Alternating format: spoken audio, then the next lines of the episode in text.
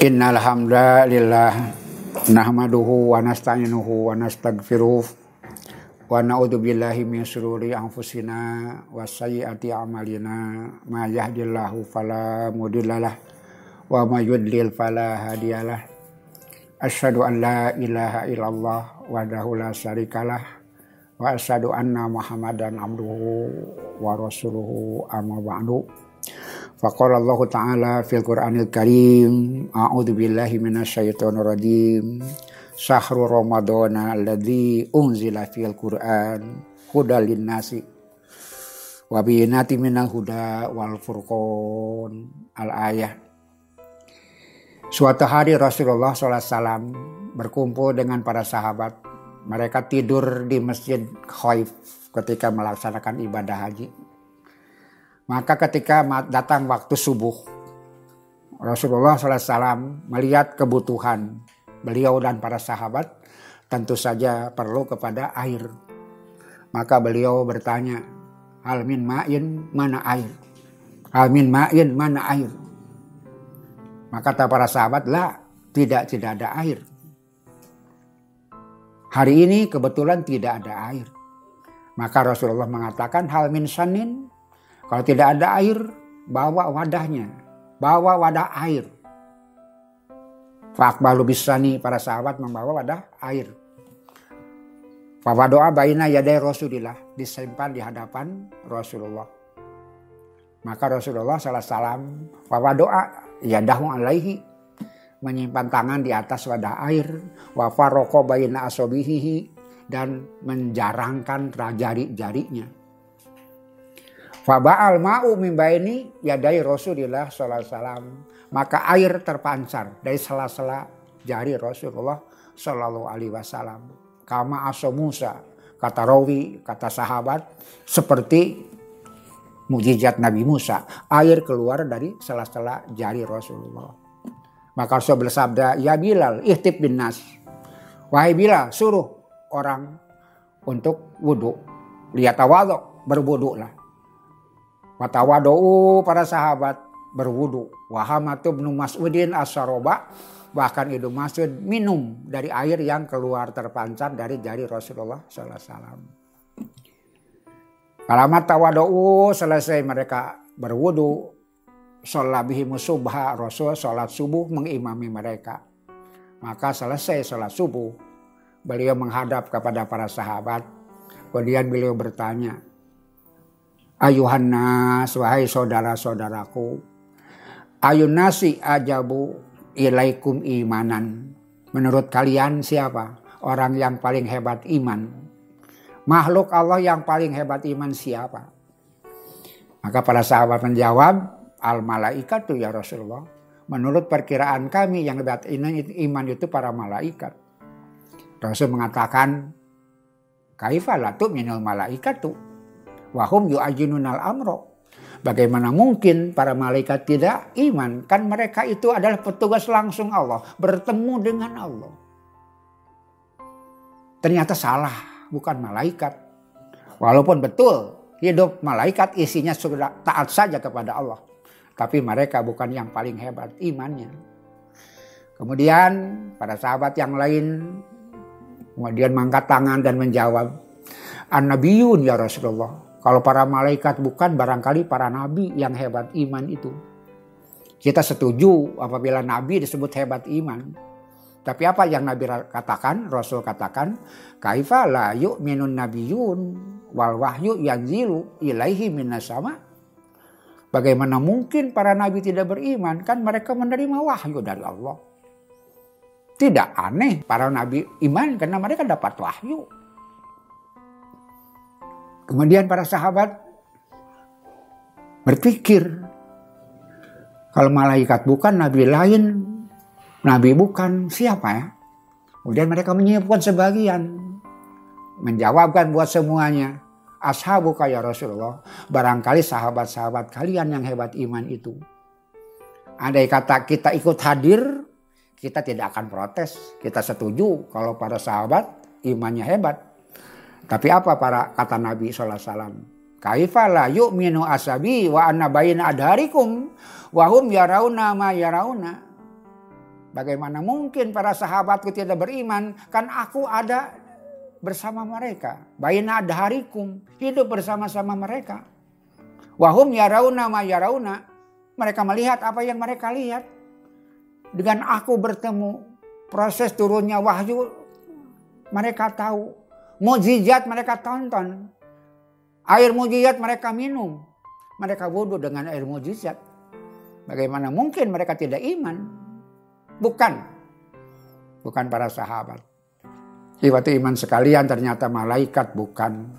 Para nabi bukan. Para sahabat bukan.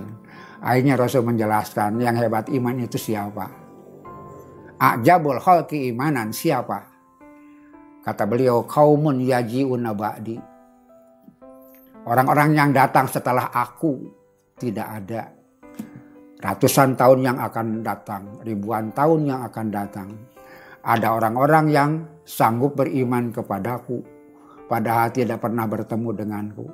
Sanggup membenarkanku, padahal tidak pernah bertemu denganku. Yang hebat iman adalah kaumun yaji'una ba'di yu'minu bi walam yarawni yusaddiquni walam yarawni orang-orang yang lahir setelah aku tidak ada. Ribuan tahun yang akan datang ratusan tahun yang akan datang. Ada orang-orang yang sanggup beriman kepadaku padahal tidak pernah bertemu denganku. Ulaika ikhwani. Mereka diberi gelar identitas mereka ikhwani saudara saudaraku yang sejaman dengan Nabi ashabi sahabatku yang tidak bertemu dengan Nabi yang lahir ratusan tahun kemudian ribuan tahun kemudian berbeda alam berbeda abad beliau namakan ikhwani saudara saudaraku. Pertanyaannya siapa yang lebih dekat? Apakah saudara atau sahabat kita dapat simpulkan yang lebih dekat kekerabatan adalah saudara dibanding dengan sahabat. Barangkali pertanyaan besarnya apa yang menyebabkan seperti itu? Dan siapa mereka itu? Kesatu, mudah-mudahan kita sekalian. Kita beriman kepada Rasulullah padahal kita tidak bertemu dengan Rasulullah. Kita membenarkan Rasulullah padahal tidak pernah bertemu dengan Rasulullah. Tapi pertanyaannya kenapa? Hebat. Kenapa istimewa? Kita tidak akan sanggup bersaing iman dengan malaikat. Kita tidak punya keberanian bersaing iman dengan para nabi. Bahkan dengan para sahabat sekalipun kita tidak percaya diri iman kita lebih baik. Tapi Rasul mengatakan mereka lebih hebat.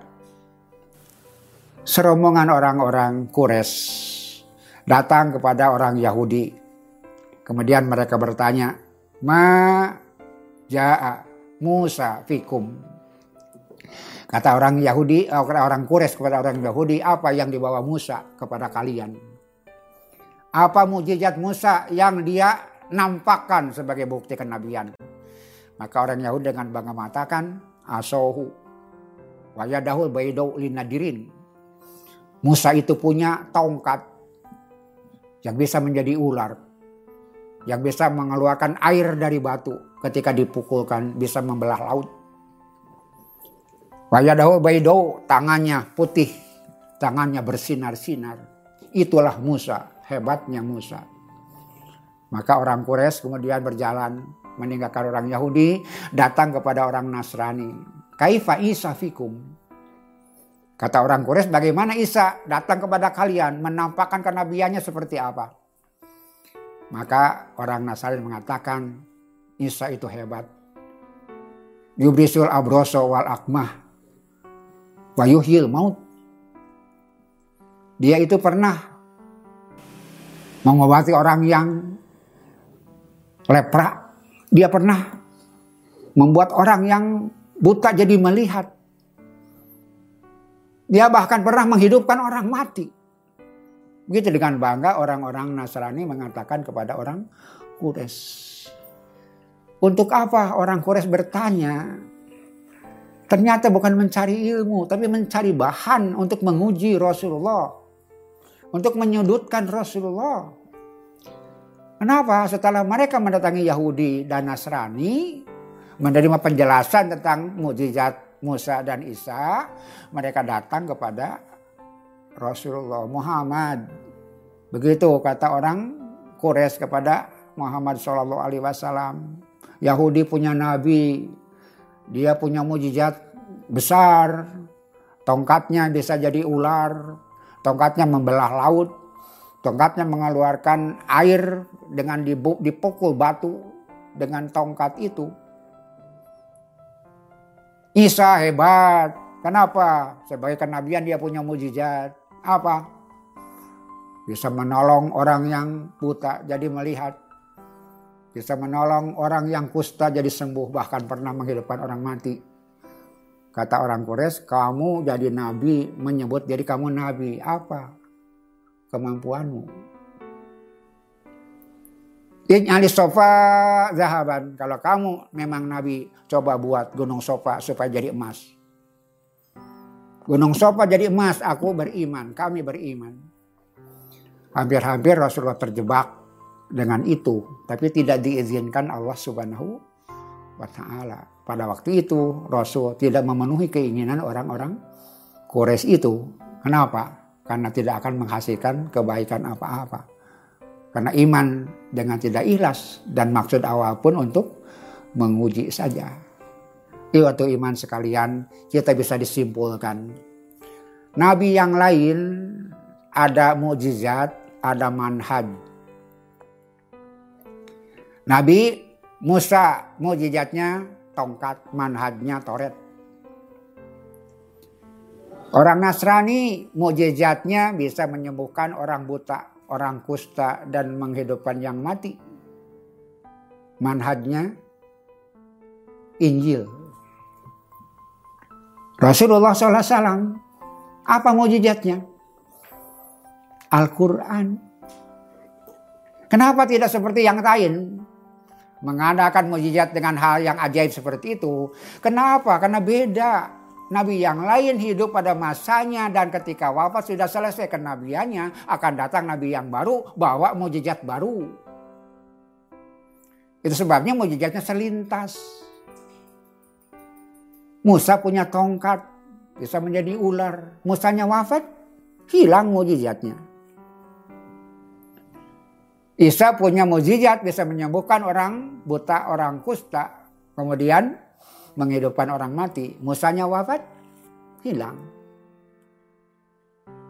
Dan kemudian diikuti, mujizatnya hilang, manhajnya pun hilang. Rasulullah SAW, apa mujizatnya? Al-Quranul Karim. Rasulullah mujizat sekaligus manhaj. Apa istimewanya kita? Musa wafat, mujizatnya hilang, manhajnya hilang. Isa wafat, mujizatnya hilang, manhajnya hilang. Rasul wafat. Itu sebabnya mujizat Rasulullah Al-Quran. Dia yang abadi, walaupun setelah Rasul wafat. Dia harus tetap berlaku sampai hari kiamat. Kenapa? Tidak akan ada nabi yang baru, tidak ada akan mujizat baru, tidak ada manhaj yang baru. Latan tadiru Quranan jadi dan walatan tadiru nabiyan jadi dan. Jadi apa istimewanya kita? Menjaga mujizat Rasulullah Shallallahu Alaihi Wasallam. Itu sebabnya pada bulan Ramadan amal yang paling utama adalah mengkaji Al-Quran, menjaga kemurnian Al-Quran Quran. Kenapa kita mulia? Kita punya tugas berat. Rasulnya wafat. Mujizat Rasulullah tidak boleh hilang dengan wafatnya Rasulullah Sallallahu Alaihi Wasallam. Itulah keistimewaan kita. Itulah keutamaan kita ketika kita mampu tampil menjaga mujizat Rasulullah Sallallahu Alaihi Wasallam. Setelah Rasulnya wafat, mujizatnya tidak boleh hilang. Iwatu iman sekalian, pada malam-malam Ramadan, marilah kita dekati Al-Quran. Ada empat cara. Satu, dengarkan. Dengan mendengarkannya pun dapat pahala, dapat rahmat. Wa quri al-Qur'anu fastami'u lahu fa la'alakum turhamun. Mendengarkan saja dapat rahmat. Yang kedua membaca. Man qara harfan min kitabillah falahu hasanatun. Walikuli hasanatin bi asri amsalihah membaca satu huruf dari Al-Quran, dia akan memberikan kebaikan. Setiap kebaikan dilipat gandakan 10 kali lipat oleh Allah Subhanahu wa taala. Sampai Rasul mengatakan, "Ma aku lu alif lamin harpun." Aku tidak mengatakan alif lamin harpun satu huruf, tapi alif har satu huruf, lam satu huruf, mim satu huruf. Yang ketiga, menghafalkan. Itu kewajiban kita Kenapa? Rasul mengatakan barang siapa di dalam dirinya tidak ada hafalan Al-Quran, dia seperti rumah yang roboh, rumah yang rusak, menghafalkan. Dan yang paling utama adalah apa? Khairukum man ta'alamal Qur'ana wa 'allamahu. Sebaik-baiknya kalian adalah yang belajar Al-Quran dan mengajarkannya. Marilah kita buktikan bahwa kita adalah orang-orang yang diharap oleh Rasulullah Shallallahu Alaihi Wasallam. Dan Rasul telah menyebut kita sebagai orang-orang yang imannya hebat, imannya istimewa, lebih daripada gambaran makhluk-makhluk yang lain. Kenapa? Karena kita punya tanggung jawab. Di zaman Nabi sudah tidak ada, mujizatnya tidak boleh hilang. Itulah tugas mulia kita. Mudah-mudahan Ramadan memberikan peluang dan ruang kepada kita untuk lebih mendekati Al-Quran. Rabbana atina fid dunya hasanah wa fil akhirati hasanah wa qina azabannar. Aku liqali hadza wa astaghfirullah li wa lakum. Wassalamualaikum warahmatullahi wabarakatuh.